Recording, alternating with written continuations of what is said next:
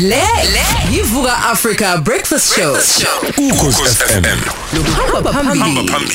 Cause FM sijoyinwa ke umama umkhwanazi. Hey banenkinga ekhaya kushoniwe kudluliwe emhlabeni eh kodwa ke isimo sibi ngendlela yokuthi inkece kumele isambe sithile eh ayihlangene kuze kube manje mama sikubingelele sikwamukele kukhoze kuseni Yebo nganyana. Siyajabula noma siyabonga futhi ukuthi usithembe la emsakazweni ukhoze kulolu hlelo lwasekuseni ukuthi mhlambe ngahle kwenzeke sikwazi ukukusiza. Kafushane nje mama usinike isithombe ku- ku- ku- kudlule bani wa- yini evimbili ukuthi namanje nisahlele emakhandlaleni ngakafihleki ma. Udlululo ondiwe ingane yami kusho ukuthi manje mayidlulile kusho ukuthi akangcwabeki imali azikho nguzamile ku 5000 kanti lapha umngcwabo befune ube ube u14000 iyonke manje ayi ngithanda ukusindeka nginayo ngoba angisebenzi ngihola i-support grant imali yokugula. Angaholi imali yokuyokhuza nabantwana lo bengimphusha ngokuthi bengihambe ngisebenzela abantu ngiwasha kanjani.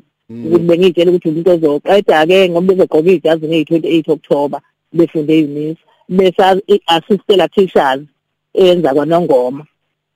Oh uye lo sedlulile emhlabeni futhi. uyena lo sedlule bezogqoka ijazi ngeyi-twenty-eight bekuwunyaka wesihlanu efunda. Waqala wabridja wayesenza unyaka wokuqala wesibili unyaka wesihlanu lo bese ebewuphethe October twenty-eight bezogqoka ijazi bese kusele isifundo esisodwa-ke wavele wagqamela ingozi eyi manje manje ngifele ngisangene-ke ngazi ngizoqala phi ngenze njani Ah phephisa mama phephisa. Sekuyisikhathi esingakanani e- e- ehlele ekhaya noma edlulile engafihlekile. iphelile inyanga isonto lesithathu leli eliphelayo manje Awu. esemakhandleleni Mm. e e la e- e- esemoshali Ni- Nikuphi nendawo ma? Ngila mina e- emlaza emjondolo ngiqashe khona ngoba bengibaphusha abantwana ngihambe ngiwa- ngiwashe emajalpini Ah uba. ngisebenza khona ngikwazi ukuthi ngibaphushe Mm. bengingazi ukuthi kuzogqamela ingozi engaka ngoba besho ngisho ukuthi athi hawu uma kule mjondolo eshuphele idwebhe nayo yonke into ngizokukhipha bekuyitemu lakhe nje belisho futhi nami be- Bezokhipha ma bezokhipha. beng- bengize ngisho nami kwamina ngithi hayi ngithi hayi njengoba ngumama mkhona zongathi uyisingayika nje hayi uzoqeda intombi yami bekuyitemu la akekho bengazi besho nje ukuthi hawu masi uzokukhipha futhi lento hayi angiboni ukuthi into ezodlula wabuye washona-ke njengoba akangcwabeka sengiyishaya nje into engayazi Mm. uma nje ngifakele Ah phephisa mama. U- u- u- eNingizimu Afrika uma tata uMadiba wasifundisa khona lokho ukuthi eh si si si akekho lahlo umunye ngwasekhaya wena ngoba usukhulumile nje uNkulunkulu namandla khona izinto ezokwenzeka. Ngoba ngikhuluma nawe khona abangithumela ama message ake siqale simukele Mbroza em uthi khona simtholayo Eh sigomeza njengoba nikhuluma nje la eh khona eh, eh, engicela ukuthi mhlawumbe uvele ungene kuyena njengamanje umbingelele nje moyeni asiye kumvoti funeral services eh ubaba usithole ukhona unathi la. Joba sikubingelele sikwamukele kukhosi? Ngiyanibingelela abasakazi bokhosi nabalaleli ngiyanibingelela abasakazi. Jobe ngicela ukubheka mfowethu eh ngiyazi ukuthi wena one one one onesidumbu sika dadewethu lo. Em umama ubhekene nenkinga malini imali ekwele ayikweletayo njengamanje? Eh kahle kahle umama ubekweleta imali engu 9200 sekuhlangene nemali ye- yomgodi. Mm yes so ke ngokubuka isimo ngakhuluma nomama ngathi mama uyabona ngoba la kade uhambe khona la ngithe iya khona kwa kwa justice kwa master of high court Mm. eh basazokulindisa insuku at least hambe uyofuna imali yomgodi khona sizo sode silindile bese Mm yeah bese ungcwabile. Then ke kwaqala ukuthi nakhona lapho umama akakhona ukusizakala. Njengoba sengize ngifonelwa nje manje ubabheke eh eh sengiphaka okhosini sengithi ke mina ke kulo 9000 okade usilele ukuthi umama awulethe. Mm. Ubuhlungu kwamina ngoba nami ngumuntu nathi siyashonelwa njengoba singabangcwabi. Eh sengithi angehle. Eh okungenani akuzameka imali ewu7.5 ukuze ngikwazi ukuthi ke nami ngingabe sengiluza ngoba Mm. ya ngoba nathi no njengoba sisebhizinisini nje siyasiza la we- wela singasisize khona but angithandi ukuthi kube khona umuntu ohlukumezekayo bese ngathi njengoba sabangcwabi nje asinabo ubuntu. Mm. ngizimisela umama ngoba bese ngithe mina mama hayi asilinde uh, lo 14 days usungcwabile. Yabo? ngokubona ubhlungu umama akubo. Okay. Hey, no si- si- siyabonga baba ukuthi usi- usinike isithombe salokho nanokuthi nje ugcineke uyehlisile eh le mali. Ake sibone ukuthi yini engakwazi ukuthi isizakale. Eh Rose uyangitshela lapho ukuthi khona abantu mhlawumbe ngiqale ngala. Ngibona ubaba u- u- u- u- uThemba Njilo khona kukhulumayo. Dade wethu eh u u- u- u- u- uAbigail eh we Ngobini eh, funerals uAB Ngobini funerals naye khona kukhulumayo. Siningi senza. Yeah.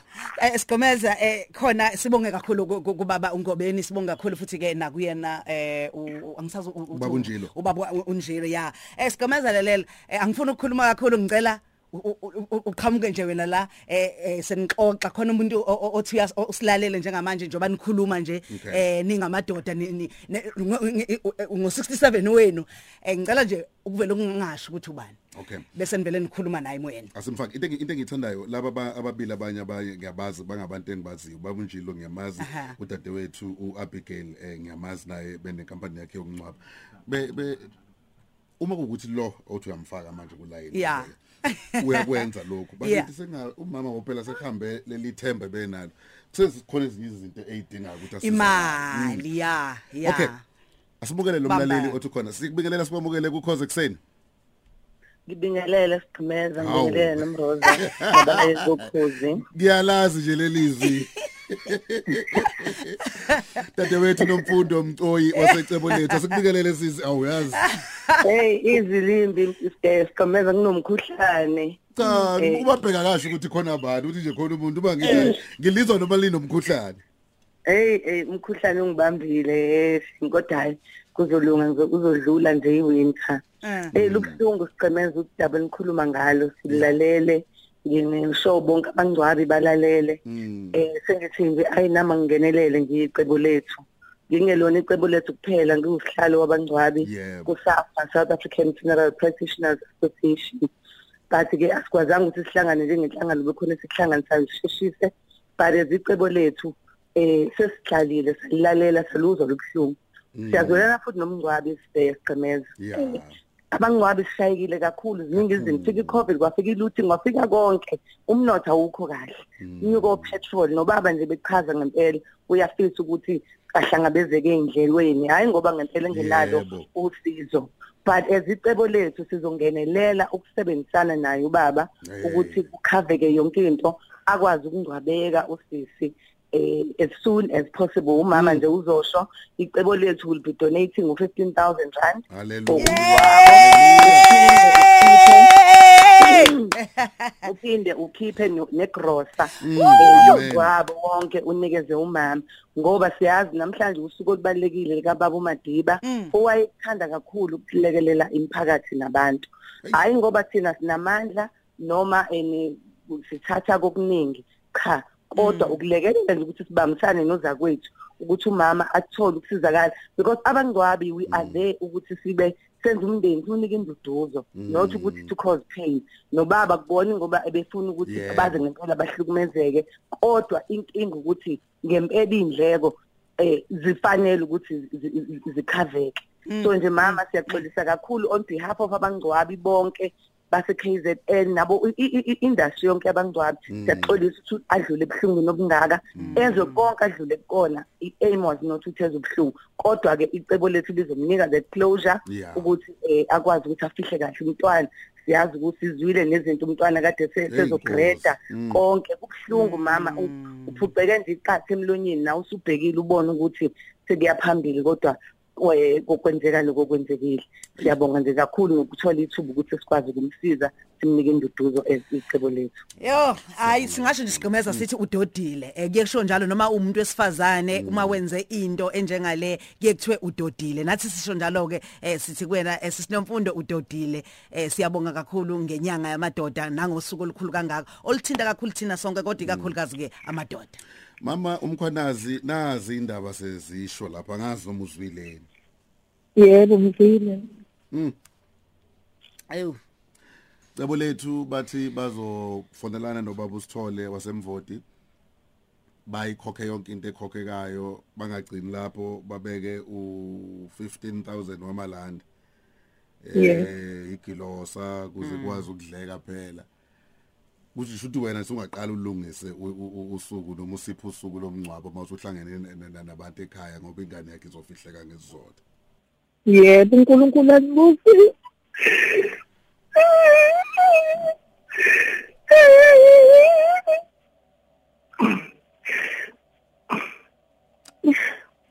ukuhambele ma siyabonga kakhulu. Eh ngibuka nje omunye lapha udadewethu Abigail naye uyangcwaba ngoba sesithole ungcwabo zobonke basiza ngani? Eh nobaba uThemba Njilo naye uthi yena ke eh ngoba sekungcwatshwe kanje useyothi mase kufanele kumbulwe itsha ngithi lo tombstone Yeah. uthi liyobe selilate nje lihlala libekiwe itshe lakhe udad- udadewethu uthi ma usulidinga uyosithinta nje simthinta ubaba uNjilo kaphinda wenze lo msebenzi futhi naye. Um Okay ke ma sokhuluma nawe kahle ke sesingasekho ke emoyeni kodwa si si si sithi ulithokozelelo lusuku noma kubhlungu kunjalo lona suku kolibizwa ngeInternational Mandela Day lo namhlanje yebo inkosi nibusise kwande lapha nithathe khona Le yivuka Africa Breakfast Show. Ukhozi FM. Lo hamba phambili. Phambili.